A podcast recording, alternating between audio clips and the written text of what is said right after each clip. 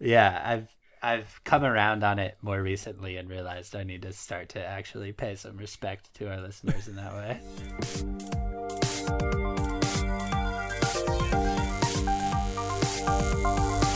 Well, I'm not a crook.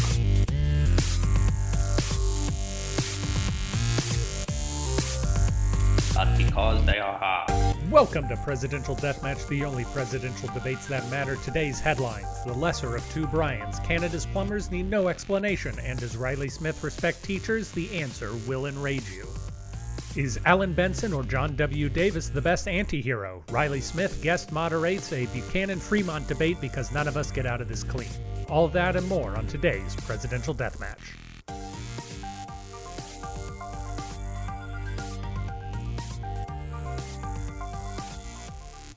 Cool. I love that the majority of your podcast is now you guys apologizing. I feel like Yeah. that's really on yeah. brand. Yeah, yeah, no, yeah, the sounds like- feedback that we always get is do less of what you are trying to do and more of the other things that you happen to do. yeah, So- more more corrections, please. yeah. Hello, everybody. Welcome to Presidential Deathmatch. We're very happy to have you here. Dennis, did you know I got a book recently? I started reading a new book. Uh, Me it's a del- too. Yeah, it's a delightful, real fun. Uh, crazy characters, uh, hijinks. Um, I haven't gotten to the end yet, but I think these crazy kids are going to make it out okay, and they'll probably learn a lesson about friendship. I'm pretty sure. It's by uh, I was just gonna say before you on, it's a crazy similar situation to the one I am in. oh, like it yeah? sounds like a very similar book. Okay, well, the thing that's different about my book is that it uh, sort of takes place in a uh, a separated society of sorts. Uh, like, like a, like a citadel. Like would it be that's a good word. Yes, yes. Actually, I do think they call it uh, that. I think we're reading books that were written by similar, very similar people.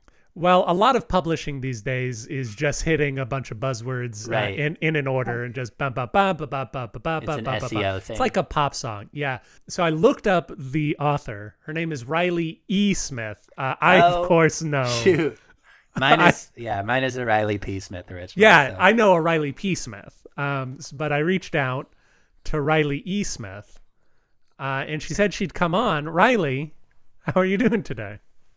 Hello, I'm doing great. I'm so happy you guys are. we just talked about deepening our voices, and I came on with an excited squeaky noise. Hello. Um, I'm so giddy that y'all are. Uh, that y'all are reading the book. I'm super excited. I really hope We're that you enjoy it.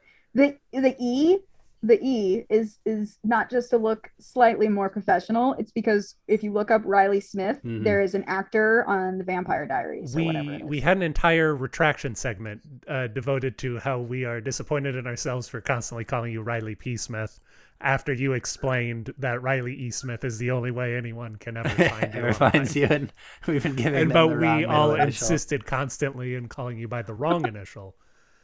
Uh, It's how you're in my phone. It's everything. Yeah, it's a mess. It's a mess. But Riley, we are here. You have written a uh, a novel. You have published said novel. Uh, we are going to talk about aspects of that novel today and how they relate to some presidential history through the topic of anti-heroes. Super jazzed. I will say it, I did not academically research the concept of, of anti-heroes in the same way that I researched Bugs Bunny. Well, I don't think anyone expects anybody to ever hit the heights of the Bugs Bunny episode again. Uh, that, I think is the high watermark of presidential deathmatch up until this point. That and uh, when we discussed what various presidents would taste like if we were cannibals. Uh, those are those are the two one. ones, and I believe they both came within the first three months of the podcast. So we really shot our load back there in 2020. uh, but also, you're the guest, and I feel like you have an innate understanding of uh, anti-heroism, uh, which which we are going Thank to you. explore. Uh, but before we do that, we are going to tell everybody about the two men that we believe best embody anti-heroes uh, in in the American populace. Dennis, who are you talking about today? I'll be talking about Alan Benson today. Alan, Benson. Ben Alan L. Benson. Lewis Benson. Alan Lewis Benson. He uh he ran against Woodrow Wilson and Charles Evans Hughes Mm. when they were the main people running. It was Wilson's reelection.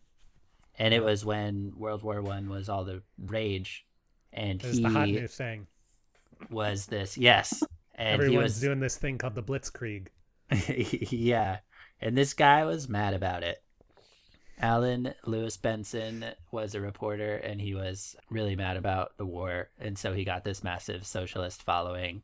And so they just threw him up as their candidate that year. Woo. And he did really poorly. Right. Um, Happens. Yeah. Eugene V. Debs was a very famous socialist candidate. And four years earlier, he had gotten something like 7% of the vote. And uh, Alan Benson got 3%.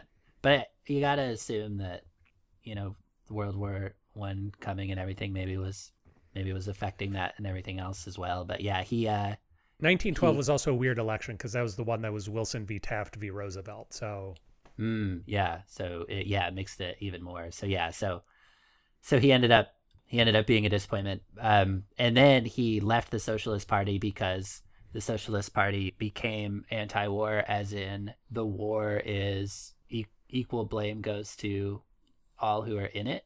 And he was mm. like, "Well, no, I mean the Nazis." And they were like, "No, no, everyone in the war sucks." And they said, "Who are the Nazis? This is 1917, friend." oh, wait, sorry. Yeah, sorry. The uh, bad guys. The Germans, still the, the Germans. The, Germans. the, the Austro-Hungary Empire. Um, yeah. Gas masks. And and uh, and so then he got really mad that they weren't like uh, making Germany out to be super evil. Mm. So he left and joined the Democratic Socialist League mm. and and wrote all of their propaganda and stuff and uh, died after that. There you go. So that's that's him. It's Alan that Benson. Alan Lewis Benson. That's interesting because uh, much like last week, we had two candidates who were very close uh, into the same election. We have candidates even closer to the same election this time because I'm talking about John W. Davis, who ran in 1924, so only eight years after Alan Benson. John W. Davis was alive from 1873 to 1955. He, at the time, was the first. Uh, he was the first presidential, major presidential candidate from a former slave state at the time of the Civil War.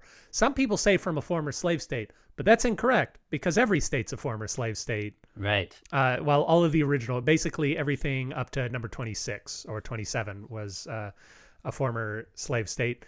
Uh, but he was the first one from a former slave state after during the breakout of the Civil War. He remains the only major presidential candidate from West Virginia. Um, there's some fun trivia about him. His father actually was part of the convention that formed West Virginia. He was one of the the separatists. Uh, John W. Davis is uh, an interesting guy who seems to have lived all of the interesting parts of his life after he ran and lost the presidency. he had a, a, whole lot of stuff that we will hopefully get into. Uh, but the reason why he ran, uh, he he actually called it an empty honor. It seemed as though everyone expected the Republicans to win. He was running against Calvin Coolidge. The country was doing really well, and the Democrats were very divided.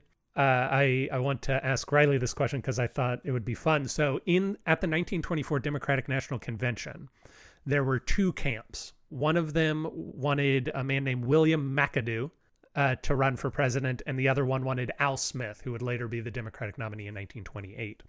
William McAdoo was known as the progressive candidate. Al Smith was known as the more, um, not, not necessarily conservative, but the more business minded candidate. And there were two big camps that were pushing these guys. Al Smith was backed by uh, anti prohibitionists, because this was during Prohibition, and big business. Big business really liked Al Smith. William McAdoo was supported by the Ku Klux Klan, which was very popular during those days. So my question for you, Riley, is if you were being put forth as president, would you rather be supported by the Klan or uh, J.P. Morgan and Company and in big business? Oh Christ, what's the difference? Probably big business because they don't outwardly, you know, burn crosses to terrify uh, black. As far people. as we know. Yeah, I mean. so power structure power john w. Davis was a compromise candidate between those two camps. Uh, he had progressive bona fides because he worked in wilson's administration and then after wilson's administration he was the uh, company lawyer for jp morgan or, or not jp morgan for chase. Uh, he was the the company lawyer for chase and so he had some business ties as well. Uh, he is the person who got the lowest he's the democrat who's gotten the lowest share of the vote ever which uh, under 30% of the popular vote. Calvin Coolidge was very popular. And there was a guy named Robert M. La Follette who ran uh, for the progressive cause, who managed to, to get quite a lot. Wisconsin man. Yeah. Uh, and then um, I just thought this was interesting, Dennis. The, the convention that he gets nominated in, the 1924 Democratic Convention, has a number of interesting uh, trivia tidbits to it. Number one, it is the most number of ballots. It took 103 ballots to eventually settle on John W. Davis. It's the most number of ballots in any American presidential convention in history. So this wow. was took a very very long time. Uh, number wow. two, this is the first American convention to nominate a woman for vice president. Lena Springs in 1924. She got, I want to say, 40 votes on the last VP ballot. The last surviving member, the last surviving voting member of the convention, Diana Serra Cary, died in February of 2020. What? At the age of 101. She was five at the time. She was an actress who was five at the time, and she was kind of a mascot for the convention, but she was a voting member. So she is technically the last person to die from that convention. Oh my gosh. And then she was probably also in the academy already at that point. I, I, maybe so. She's, I don't think talkies were Oscar winner in, in every uh, maybe I should hold on. I'll I'll make a note to look up more about this woman for next week's retractions. Yeah, she kind of sounds fascinating. I know we're talking about these two dudes here, but I kind of want to know about the the five year old who voted as a president. manipulated every election in, in, both the film industry and mm. the. that's why we government. had all that trouble in twenty in twenty twenty. yeah. And then the vice president uh, chosen on the ticket, who would of course go on to lose with Davis was none other than Charles Bryan, the younger brother of William Jennings Bryan. They can't escape these Bryans, Dennis. Yeah. They keep just shoving these Bryans into these presidential tickets, and it never works. Well, Charles Bryan, that just doesn't have enough staying Syllables, power as a yeah. name. What's his middle yeah. name? That's what I want to know. Maybe it was Jennings, and he like was kind of between a rock and a hard place with that. He's like, people are always going to get me confused. All right, it's W. What do you think the W in Charles W. Bryan stands for? William. No, weirder. Winfield? Mm, I'd still say weirder than Winfield. That's my middle name. Winifred. Is it? Yeah, that's my middle name. Oh, I always thought it was William. No. Yeah, that's a shame. I wish I hadn't uh, chosen Winfield Scott for a week you weren't here now. well, we still got Winfield Scott Hancock. We do still have Winfield Scott. We'll always have Winfield Scott Hancock. Charles Wayland Bryan. Ooh, wow, yeah, never would like Waylon Jennings. Whoa. Oh. I just got it. I'm very slow tonight. So See, my my period of energy, as all listeners know, is Sunday mornings around 9 a.m. Now that we're in a Sunday evening around 9 p.m., I'm spent. So who is Charles William? Well, uh, that is a good way to go into retractions, Dennis. Uh, Riley, would you mind uh, just reaching over and opening the retraction box for us? Um, yeah, I'll just.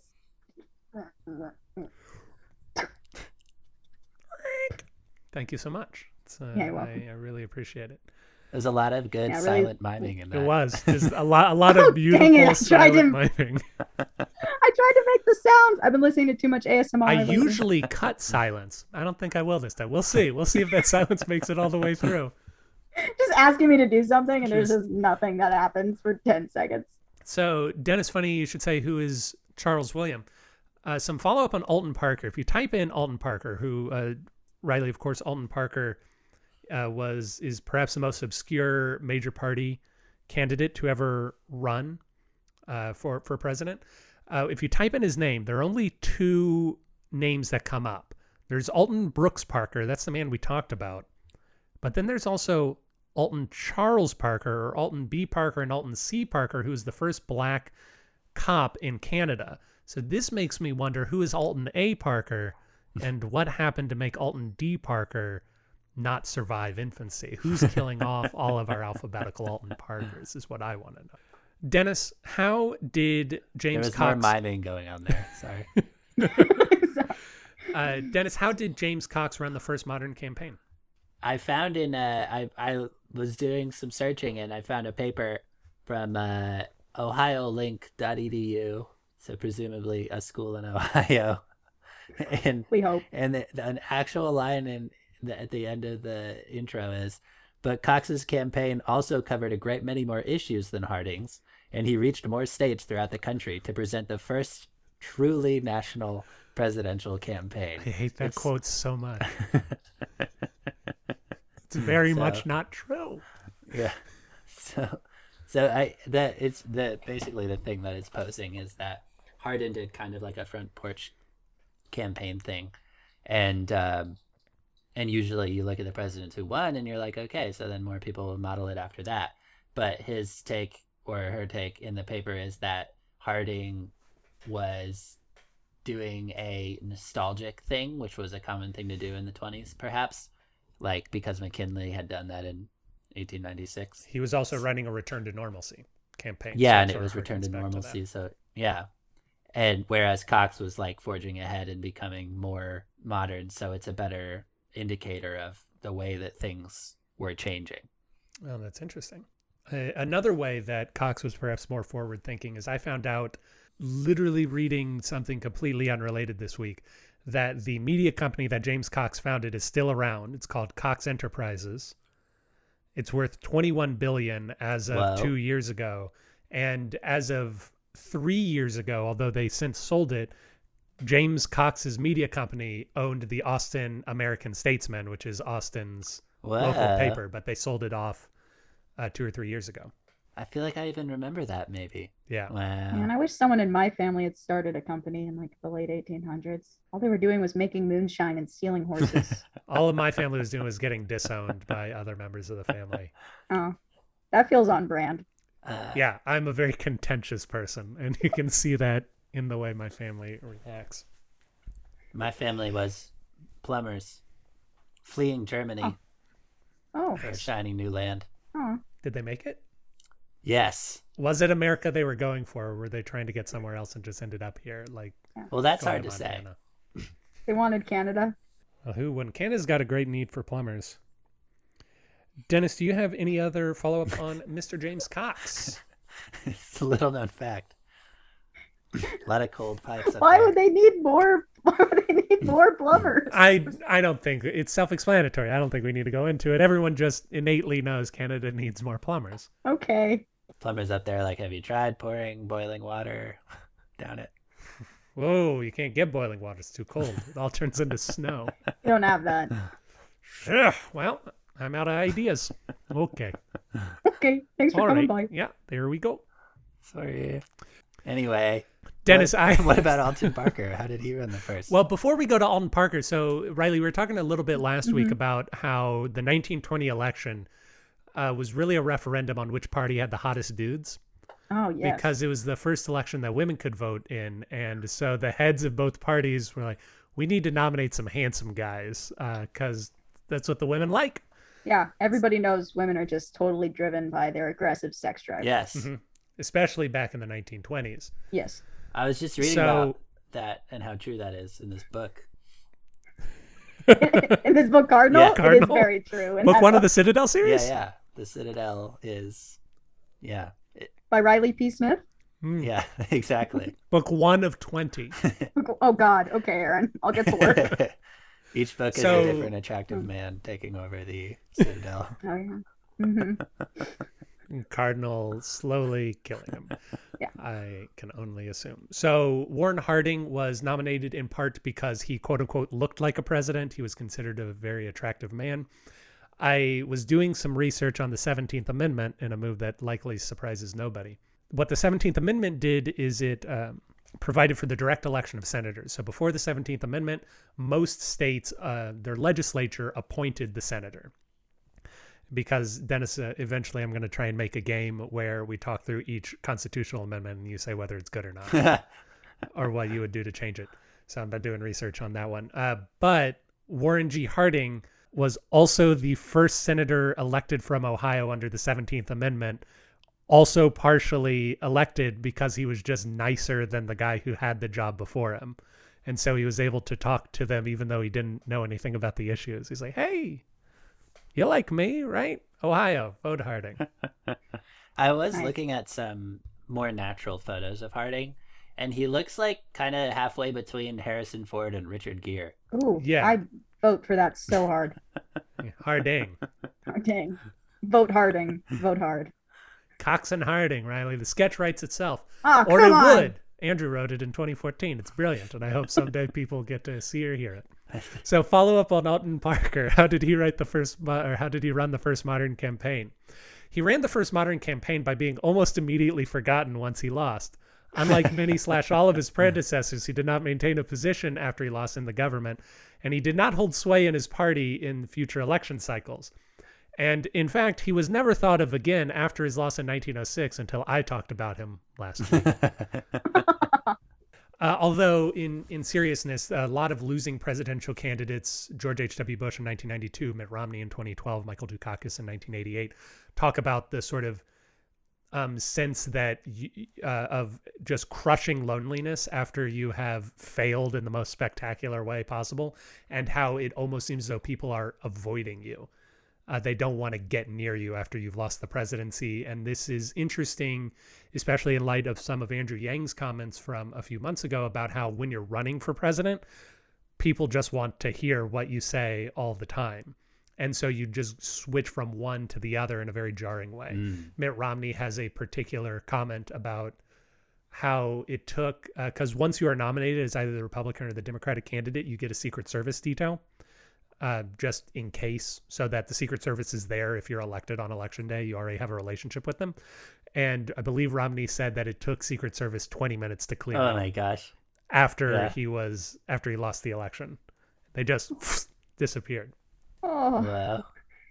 I I didn't think I would end today by feeling bad for Mitt Romney. That's that's a hard one, Aaron, that you just accomplished. He is. He is. Well, listen, that's what I do. As the last time you said, I'm a sucker for lost causes. Making people feel sorry for Pretty Boy Romney is one of them. So here are some notes on Alton Parker that did not make it into last week's episode. So as a child, he was the only red-haired person, and this often led to other children beating him up and calling him Red Top. He's Can the... you speak to this, Riley? Is this correct? yeah, kids tried to bully me when I was in elementary school, but it never lasted very long because I was much meaner than that. Yeah, I had one girl try to ask me if my hair was made of ketchup, and I said, "No. What do you think hair is made of? It's hair." and she did not attempt again. She did not have an answer. No, that's a good. That's a good one. So he was the only red-haired person at the time. So he's seemingly, yeah. The, I guess in all at, of the U.S. In so Riley's in like the, where he grew up a descendant of Alton Parker. Must be related. Yeah, probably. Her and Jacob Godbey and Alex Tate all descended. He's like Genghis Khan, but for redheads. Yeah, for sure. and Thomas Jefferson before him. Oh no. But but for redheads so Alton Parker for human beings, like Genghis Khan. Yeah. So you're fifty percent Alton Parker and fifty percent Genghis Khan. That's what we decided. Wait, that kind of makes me feel that's like a badass. yeah, that's pretty cool. now I want to be red haired. no, I don't. I, I like being it. human. Alton Parker started teaching at age 16, which is younger than some of his students at the time. In order to gain respect after he was hit by a 22 year old on his second day of teaching that he was teaching, he fought back because this is how you earned respect in Ulysses S. Grant's America. He later on injured an older student while wrestling him after they made fun of him for not wrestling them. well, they said, "Hey, sure teach, get them. into this scrum," and he's like, "No, it's okay. I'm your teacher." He's like, "Ah." You suck. And he's like, all right. And he hurt him.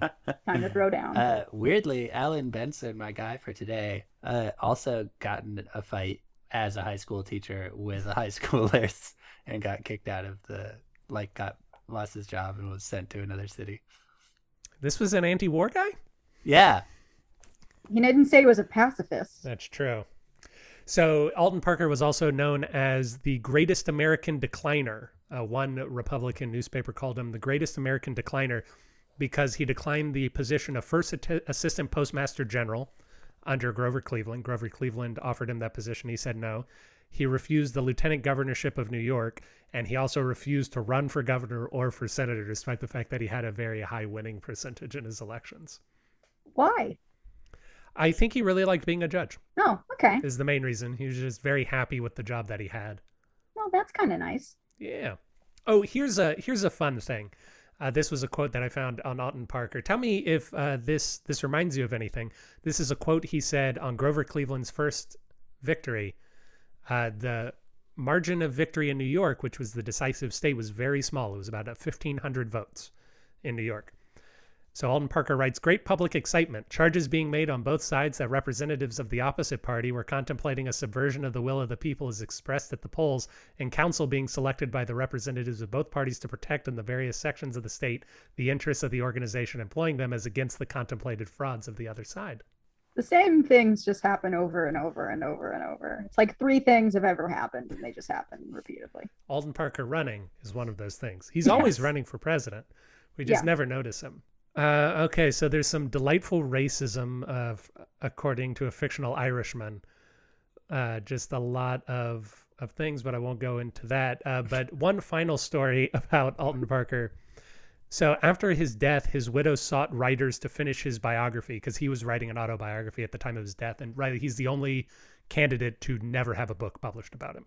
He oh. still to this day does not have any books published about him. But a good manuscript was not found uh, there was one author who wrote a book, she rejected it, and then she wrote to a friend in the publishing world about it, and he wrote back, I must say I have enjoyed it throughout the manuscript. It seems to me a perfect biography of a secondary figure as it brings out the significance of the man without claiming too much for him. We close it feeling, at least I felt, that Alton B. Parker deserved better of life than he received. He would have made a good Rutherford B. Hayes or Benjamin Harrison type of president. But in spite of your felicitous treatment, he remains a minor figure. If he had only written a large body of interesting letters or kept a diary, but he gave you no such help. His inner life was as unimpressive as his outer. It seems to me a book for a subsidized press. Any publisher to whom you would take it would say, and correctly, that he could not count on a sale of 500 copies. he said that to the guy's widow? yeah. That's so mean. Oh my God. Also, uh, listen to this week's production meeting episode the publishing world also appears not to have changed all that much. no, the they're just like they pretend to be nice to you. They wouldn't have said that in the letter. They would have been like sent her a form letter of like, oh, it the publishing industry is really objective, subjective. And, and like, uh, who's to say whether we care or not about your husband's life? But yeah, um, someone you'll find the right match someday. Yeah. for your husband. Try SUNY Press, maybe. Yeah. I think that's all I have in retractions. Dennis, do you have anything else? I don't believe so. I think I was pretty uh, flawless. You get you got everything. Yeah, true. Flawless. Um, flawless victory, Dennis. Last week. That's what we used to say in college. We'd be like, "Did you see Dennis yesterday? He was flawless." Yeah. We used to have a joke, Dennis. Did you hear? Were you party to any of the percentage jokes we used to make about you? Uh, I think you were there, where we would often say that you were only ever operating at 34% uh, yeah, yeah, of your yeah. capability, but that your 35% was better than anyone else has ever done in the history of the world. That's very good. Yes, uh, that ended up a lot. I was gonna. That sounded very mean, and then turned into a lovely, lovely compliment. It's like a on like Unlimited, that movie Unlimited. Yes, Limitless. Limitless. Bradley Cooper, so, friend of the podcast. Not, We're trying to get him on. Not like that movie Unlimited. My bad you know the Matrix. Limited is the budget version. Limitless. Yeah. Riley, would you please do a perfectly silent miming of closing the retraction box, please? Bless you. Thank you. when we come back, we will discuss anti-heroes and whether Alan or John W. Davis is the best one. Alan Benson, Benson or John W. Davis is the best one.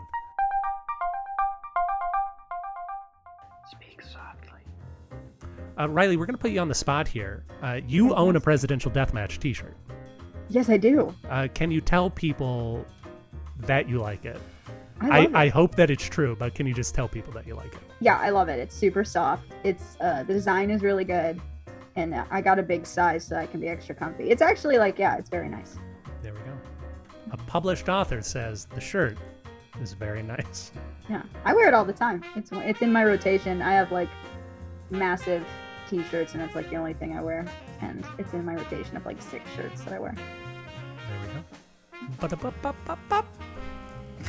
Is that your ad? it was, yeah, it was about to be uh, the McDonald's theme, and then we were like, oh, oh, oh. get a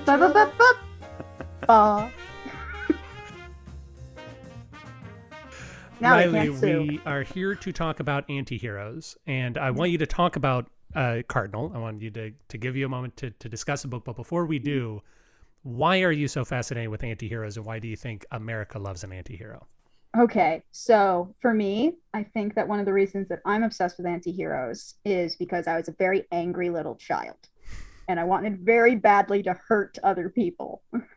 um, nice. Because I was, yeah, I was a very angry little child, and I watched a ton of westerns, like spaghetti westerns, with my dad. That was his big thing. I've seen all of Clint Eastwood's westerns, and the 60s and 70s but, but first in the 60s is really where you do see the anti-hero start like kind of begin because he well oh, i guess i can go into that a little bit later but i just the thing i like about the anti-hero and then when i got a little bit older i was uh, more into anti-heroes like deadpool and harley quinn who are enjoying themselves you know like the clint eastwood as the man with no name and a fistful of dollars is like super cool mm-hmm. like he's really cool but he doesn't seem to be enjoying himself a whole lot, except he like kind of smirks, but mostly he just sneers at everybody. Mm. But like Harley Quinn and Deadpool are having a great time. Mm. And you know, Harley Quinn obviously is a villain in her first appearances, but then you know she's kind of been turned more into an anti-hero. And like Deadpool, especially, I think is a great example of an anti-hero. And I think because the point of the anti-hero is to one kind of question a lot of morality. It's like Batman is a hero, but because he, he won't kill. He doesn't kill, but like he will mutilate a guy. Mm-hmm.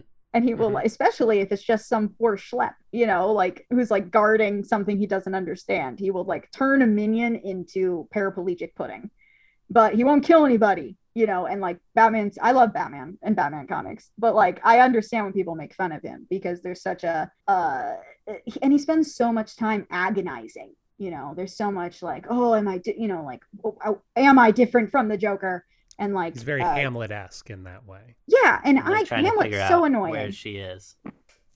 Mm-hmm. so i was like where is she? Where is she? yeah. He's, he's having so many problems he can't okay. find her. Um and like he keeps saying America's he can't attack the joker while the joker is praying. And it just drives him crazy. Exactly. Oh man that's actually okay i'm gonna have to think about the parallels of hamlet and batman later, i know he's but... in there but I just have to wait till he leaves. He leaves, then I could punch him. Um, uh, uh, and like same with a lot of Marvel, and I'm actually kind of surprised that Marvel created a character like Deadpool because so much of Marvel is like soap operas. It's super annoying. Their character, like the, uh, the like, they spend so much time just in, and I'm like, if I was invincible or like super powered, I would be so I, I would just be having a great time and that's why i like deadpool deadpool's like i'm immortal there's no consequences to my actions and it, it, there's a there's a kind of a reason for the shift from the western style anti-hero and uh, you know rebel without a cause kind of anti-hero which was about that period was feeling disgruntled with authority and moody about it.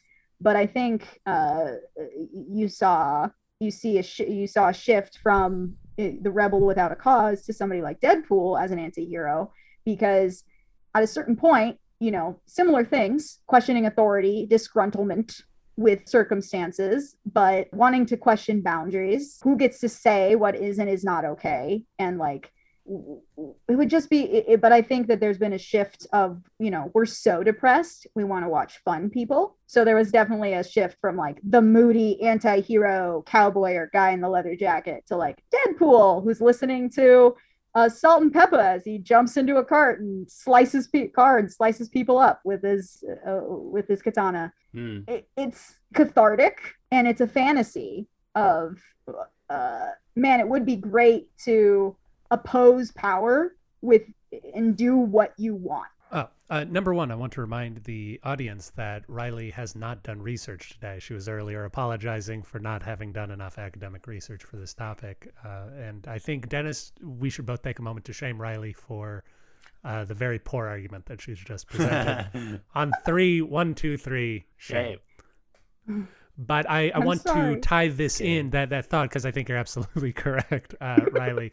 I want to tie it into a discussion that we were having about pirates a few weeks ago and how we were talking about how uh, a little bit strangely pirates were very welcome in early American coastal towns, especially because they sort of peeved the British because they they much like a, a, Scarface or an Al Capone would sort of bring money into the community, but they were also seen as these freedom folks. And then I also in the 1920s, during a period of great urbanization, we're moving from rural communities into the cities that now where most of America resides, we coined a new term, scofflaw, specifically because we wanted to make criminals sound cool. uh, they they said that isn't it neat how money is not moving in ways that we necessarily want. All of us are very confused because our traditional way of life is being upended, and you have these modern day highwaymen who are just doing what they want, and isn't that so neat? They have a freeness of spirit and a disregard for uh, for the rules and isn't that so cool? And they really liked the scofflaws of the 1920s. And then both Deadpool and Harley Quinn, who you brought up, are products of the 90s. Uh, Rob Liefeld creates Deadpool, I believe, in 1992, 1993, and Harley Quinn is created for the Batman animated television show in 1996, 1997.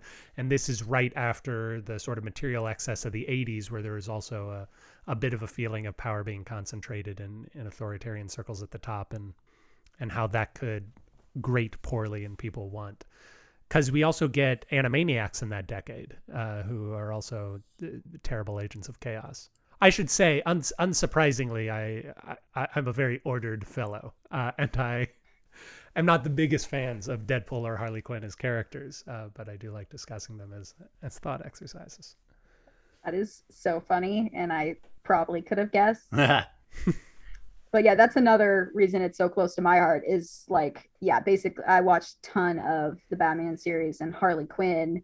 And um, yeah, I'm obsessed with Harley Quinn. And uh, basically, Cardinal is, uh, I, I build her as my, she is Deadpool and Harley Quinn. Like that right. is, she is my creating another character because I want more of that type of media. I also describe her as Batman mixed with Bugs Bunny. Yes, yeah, unsurprisingly. Yeah. Yeah. We I would not mm-hmm. we Aaron identified that immediately. immediately, yeah. he was like, oh, I'm a little funny. surprised she's not uh, an anthropomorphic mouse or anthropomorphic yeah. animal of any kind. I did name her Cardinal. Uh, that's, that's true. true. You did. That's it's true. a bird, though. I, okay. I tried very hard to like give her any like any other name or and not make her a redhead, and I could not do it. Her name is Cardinal. She's a descendant of Alton Parker. What There's a surprise! Yes. Yeah. I took one film course in college, Ooh. and one of the things that stuck with me that I have never read too much more about is that within a genre, as a genre progresses, so the expectations of the audience are set, and then they need to evolve for the audience to continue to be surprised. That you will often get a continuum that ends with anti-hero and so like in ancient Greece, plays began with being about the gods and like things going on between the gods and stuff like that. And then they became about demigods, Hercules and stuff, coming down to earth, doing things, making mistakes. And then it became about people who were superb people. And then it became about people who were normal people. And then it finally becomes about people who are Trash. who are worse than even you know than you would even think of yourself as and so it like in a lot of genres you can follow it all the way through and even with superheroes the first superhero is is a is like superman and he has all the powers and he's from like the heavens yeah. um so it's like at the least it's a demigod situation and then it a lot yeah. like a lot of the classic stuff I really you know you really think of like a turning point was Spider-Man where right it became very much your friendly neighborhood Spider-Man so it had progressed down to this everyman kind oh, of yeah. thing and then when you continue on past that you start to see the way the way that existing characters evolved into anti-heroes like Batman some Batman stuff and then also the way that like yeah, Deadpool and things like that became more popular. Right, the '90s Wolverine, the the character, the modern characterization right. of Wolverine is very different from his first appearance in the Incredible Hulk. I yeah, mean, that makes sense because he was a villain in the Incredible Hulk. We're not here to talk about Wolverine, sadly. Sadly so, enough. Riley, yeah. um, what I would like you to do is quickly say some things that are true about either Cardinal or her world, mm -hmm. and then Dennis and I will each try to match that to our candidate today as close That's as amazing. we can. That is a fun game. We're okay. gonna see if it works. Okay. Let's see. Oh man, now I gotta make sure I don't give spoilers, which is a big thing. Um, yeah. Okay. Since since so, neither of us have finished yet. That's yeah, and I'm hoping that you know people listen to the podcast might be. Oh right, yeah. And I'm not. Just... So then this yeah. happens. That's an important part of the marketing. Uh, oh, we didn't go buy Cardinal on Amazon.com. Can we can we drop a spoiler for from page two? Absolutely. Yeah. Uh, We're, I was very excited. I assume Dennis was very excited. yeah, the pod gets a shout out on page two of Riley's book in the form of Calvin Coolidge. Oh yes. Yeah, very, very early on, there's some. And I thought to myself, Dennis, I don't know if you had this thought. It just shows how intricate and uh, ripple effecty the world building is. Why would Calvin Coolidge support funding of the Citadel when everyone knows that Calvin Coolidge was generally against government uh, funding and, and tax subsidies? What changes must have happened? Yeah. I, I think to myself. Should have asked y'all first. Obviously, just sent that those like three pages. Yeah. to you Oh, guys. I was your agent. This is a callback to a different podcast that Riley and I've already discussed. I was that person asking for the three pages. Oh, that makes sense. You're just trying to help me. I was uh, Yes. I, at that moment, I was thinking that I was just so glad that I told Riley about who Calvin Coolidge is on a previous episode, so that she could be inspired to write a novel and get into To spin the entire, yes. Yes. Yeah. Exactly. Really, really. the entire drafting process of Cardinal was not going anywhere until you learned who Calvin Coolidge was, and that opened up your mind. Yeah, it was. That really brought everything together. It was like, You wait, know? what if he wasn't fiscally conservative? That's the, the so you know they say that speculative fiction is you know you take one question and imagine what if that was it that was my one question what if Calvin Coolidge Coolidge was not fiscally fiscally conservative. conservative? And thank God he was, I think is the Yeah. answer we get to. I, yes, absolutely. Okay, so a thing about Cardinal that is not a spoiler. Um, Cardinal is unconcerned with consequences. She's pretty sure she can talk or fight her way out of anything. Hmm, I've got a good answer, Dennis. Do you mind if I go? Go. Okay, so as we said before, the 1924 uh, convention majorly had a Klan presence. And the Klan was actually present at both the Democratic convention and the Republican convention. The Republican convention was first, and the Klan managed uh, because uh, the Klan was not a political issue in the sense that a lot of Republicans were Klan members, a lot of Democrats were Klan members, and there were a lot of anti Klan members also in both parties. So there were people in the Republican Party who were trying to say, um, let's have a, a plank in our platform that denounces the KKK. And the KKK managed to shoot that down on the floor. And they tried to do the same with the Democrats, and they managed to get one that um, they, they did manage to shoot down a plank denouncing the KKK, but the Democrats got in a plank that just generally said no to violence groups. They weren't allowed, they, they shot down the KKK, but John W. Davis frequently on the campaign trail would denounce the KKK by name, even though it was turning away a lot of his support. Well, there you go. Good on him. Yeah. That is the only time I think that you're going to be happy with the racial politics of John W. Davis over the Damn it. course of this episode. Gosh, darn it. um, let's see another thing about unless Dennis, Well, do you Dennis want to? is- Do you have anything for this? Oh, I mean, I would say Dennis may have already said one in in Mhm. regards to him, uh, the the socialists versus the democratic socialists. Here's like peace. um, yeah. Oh, no consequences. Yeah. When, when is Yeah. the time that Allan Benson said to consequences? Yeah, all the time. I mean, when he punched a high school boy. Yeah, I think that's another big thing is uh, Cardinal will does not back down from a fight, no, even if. specifically against high school boys. Oh yeah, True. True. You think you're better than me? You're in high school. especially, especially if they have nice teeth. Yeah.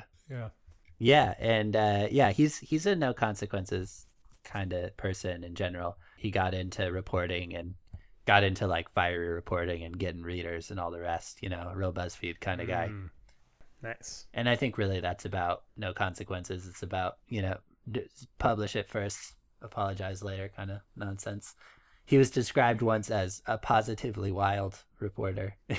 Wow, that is the rudest thing they could say in the 1910s about a person. yes, he's positively wild. yes. Plays Good, good mustache. miming. Good miming. Thank you. You listeners are missing a lot. I am Yeah. doing some A plus comedy miming. It's weird because that too was in particular was in like that was in reference to his when he started re- being really anti-war and opposed to militarism and stuff. The Socialist Hmm. Party thought he was. Well, yeah, because going too they far. uh, they they don't like it when you question war. It's weird. yeah. Riley, another fact about Cardinal. Yeah, so um, let's see, I had a couple in my head. I think one thing that's really big about Cardinal, uh, and I think big about an- anti-heroes, and one of the reasons that we like them is uh, they are generally honest. Of course, there's like segments, they, they attempt to live honestly. Now, there are segments of the anti hero archetype where this is just patently untrue. For instance, the whole segment of anti heroes who are criminals, swindlers, con artists. The cool ones. The, the yeah, the it, the scofflaws mm-hmm. or whatever Aaron said earlier. I'm going with scofflawer. Scotch, sure. yeah, yeah. Scotch waffles. Kelly Scofflawer. Yeah. So, but thinking about the man with no name, he barely ever talks, but he, I, I guess, uh, so it's like Scarface says, um, I, even when I lie, I tell the truth. He's like, they hate me because I'm telling the truth. Uh, even when I lie, I'm telling the truth. So there's an idea of like anti-heroes or, or trying to live honestly. And I think that's a big thing for Cardinal is that she has, she has her psycho values and she sticks to them. Hmm. So I think that even when it's like a bad idea. That's why we can root for the characters because because we we like that they are true to themselves. Yeah, I think that that's like a big thing because and a big part of that, I guess kind of secondary here that I was thinking of that's really connected is they don't like bullies. Basically, they don't like anybody with any amount of power. Uh, for Cardinal, it transfers into kind of a vague anarchy but for like the man with no name basically every single one of those movies is just about him usually beating up uh, an italian that they decided look me- looks mexican and like uh because that's what the spaghetti westerns were but who uh, he feels like is a bully and so he tries to take them out and similarly um uh, similarly with uh, Deadpool. Like we like the uh, anti-heroes are very closely related to kind of an underdog thing. And it's a big reason why I like them because, you know, as you said, Superman is basically a god. Right. So a little hard to relate to. Um, so I think living by your by what you want, what your own principles, even if those principles are just I want money for me, um, I think that's a big part of the anti-hero uh ethos. Hmm. Dennis, do you have one for Mr. Benson? Well, I do think like the dip, the t- the hard truths that are like the things that no one's saying and everyone's thinking kind of thing. Um, mm-hmm. I like mm-hmm. that a lot, and I I feel like when he was celebrated so much by the Socialist Party that he got nominated and then immediately chose to leave, like, be, uh, chose to start posting opinions about something completely different.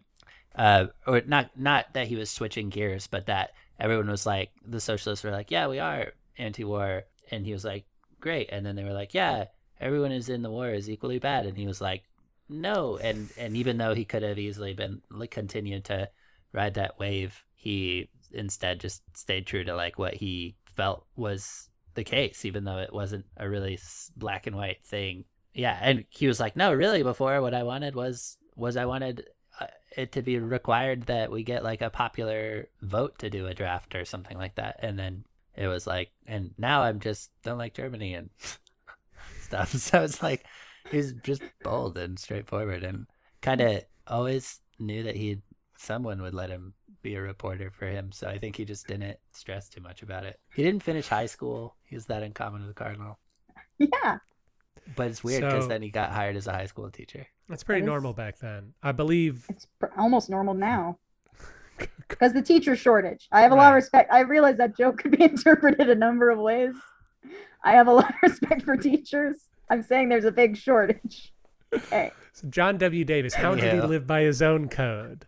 Uh, so John W. Davis's last case in front of the Supreme Court, and he would in the 1900s, in the the 20th century, he argued more cases in front of the Supreme Court than any other person. He was constantly up there fighting for somebody. So his last case in front of the Supreme Court was noted for an unusual display of emotion, that he was particularly affected by this final case. It was a case called Briggs versus Elliott, and Briggs versus Elliott was the first of the cases that would be consolidated into Brown versus the Board of Education, and he was arguing for school segregation. Mm. And he was uh, very insistent, and it, apparently he just tried to put everything that he had into the argument that, guys, they're doing everything they can to make these two schools equal. They're just, I don't like what do you, what what do you want them to do? like come on, they're doing such good work to make sure that they have equal access to success. It's just we don't want mixing. like that's all. That's all. Oh God. They have the vote. He was very supportive of the black right to vote. Also very supportive of poll taxes. man. He is very supportive of poll taxes. Very supportive of black uh, black people's right to vote. But it is something where it's like the like where I have to appreciate someone who's specific to the point of it being confusing to what to to what they Yeah. think and feel and I think that's that's probably would be my next thing about Cardinal and about anti-heroes. So even though a lot of anti-heroes are like tough guys, I would say that they are very emotional characters and that they're driven by the id rather than the ego or super ego. They're it, rather instinctual. So you get, you know, it, it, it, the man with no name has no problem gunning down a dude because he looks at him wrong. But if he sees a woman clearly being kidnapped and assaulted, he's going to go save her.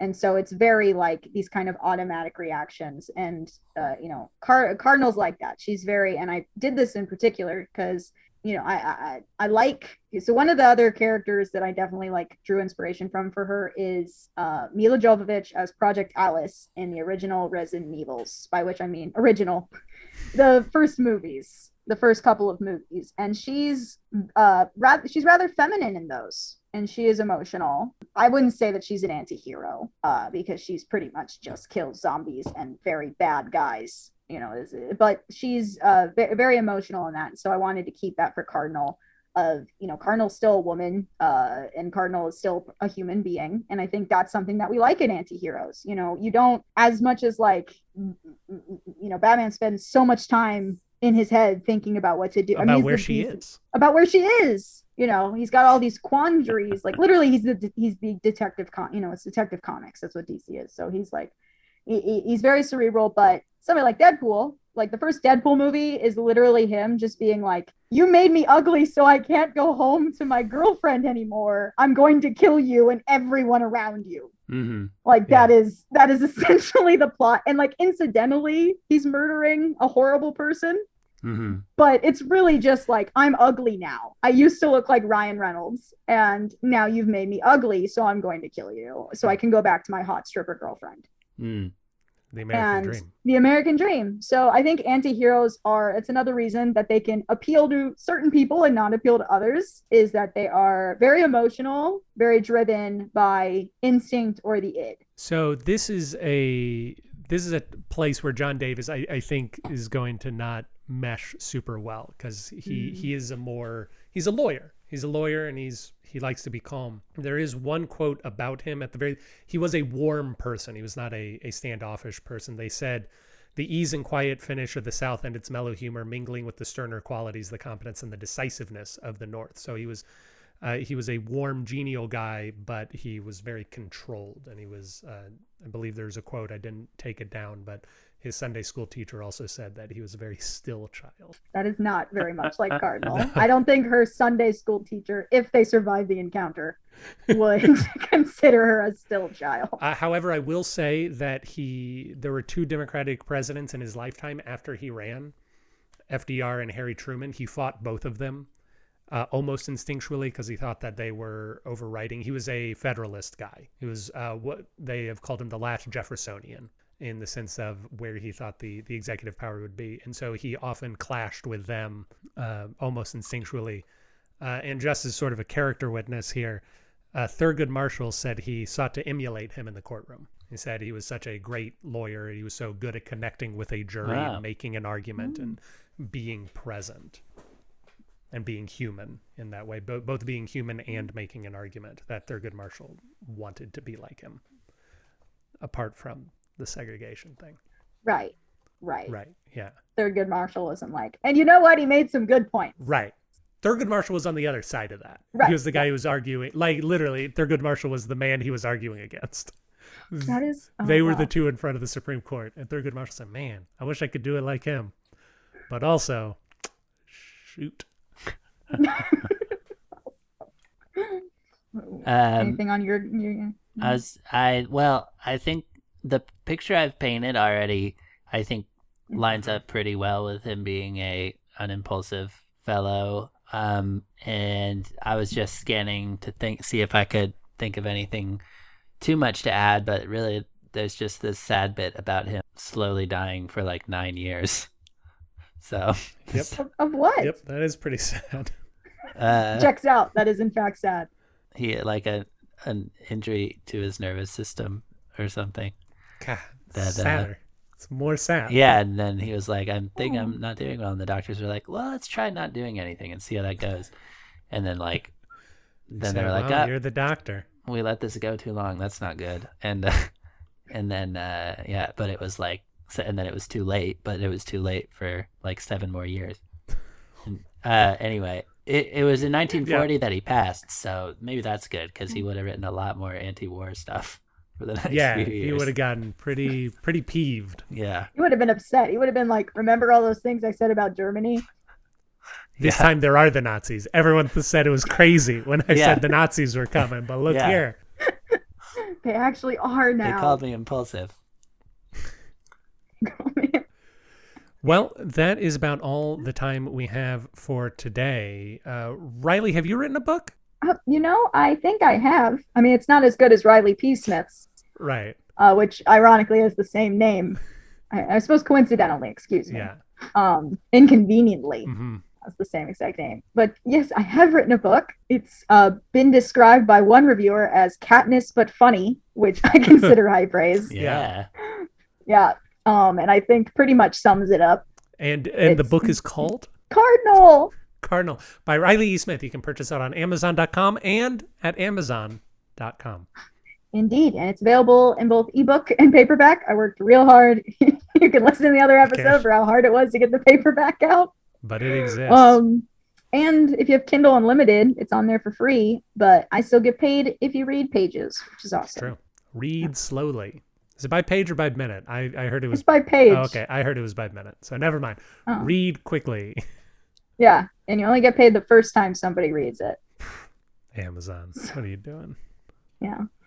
But yeah, I uh I everybody seems to be enjoying it thus far. It's got a little something for everyone unless you really don't enjoy swearing, violence, children in danger, Mhm. gladiatorial battles. If you're a real prude, you're not gonna like the book. Yeah. But if you got If you're a prude, you're not going to enjoy it. My grandma likes it, but my grandma's favorite movie is Predator, so pretty cool grandma, we should see if we can get grandma on the podcast. Talk about something.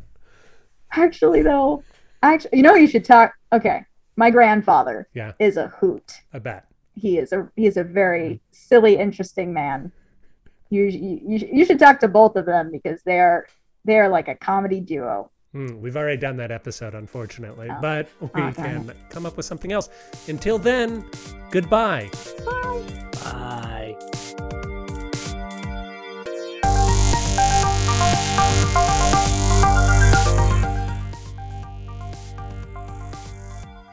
Thank you for listening to Presidential Deathmatch. Presidential Deathmatch is hosted by Aaron Garrett and Dennis Buddy and edited by Aaron Garrett. If you like the show, please consider giving us a review wherever it is. You can do that, we'd really appreciate it. If you didn't like listening to the show, well, why don't you come on back and give us another try? We really grow on you. If you want to reach out to us, you can do that at contact at pronoiatheater.com. You can also support the show in a variety of ways, including at pronoiatheater.com slash store. We hope you enjoyed it, and we hope to hear from you soon.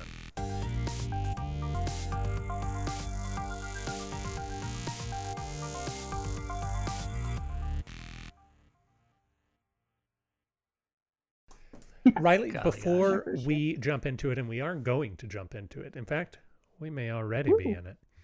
Uh, just be Oh. aware that we have changed our format a little, and we are now a top 40 presidential podcast. So we only talk about the top 40 presidents at any given time.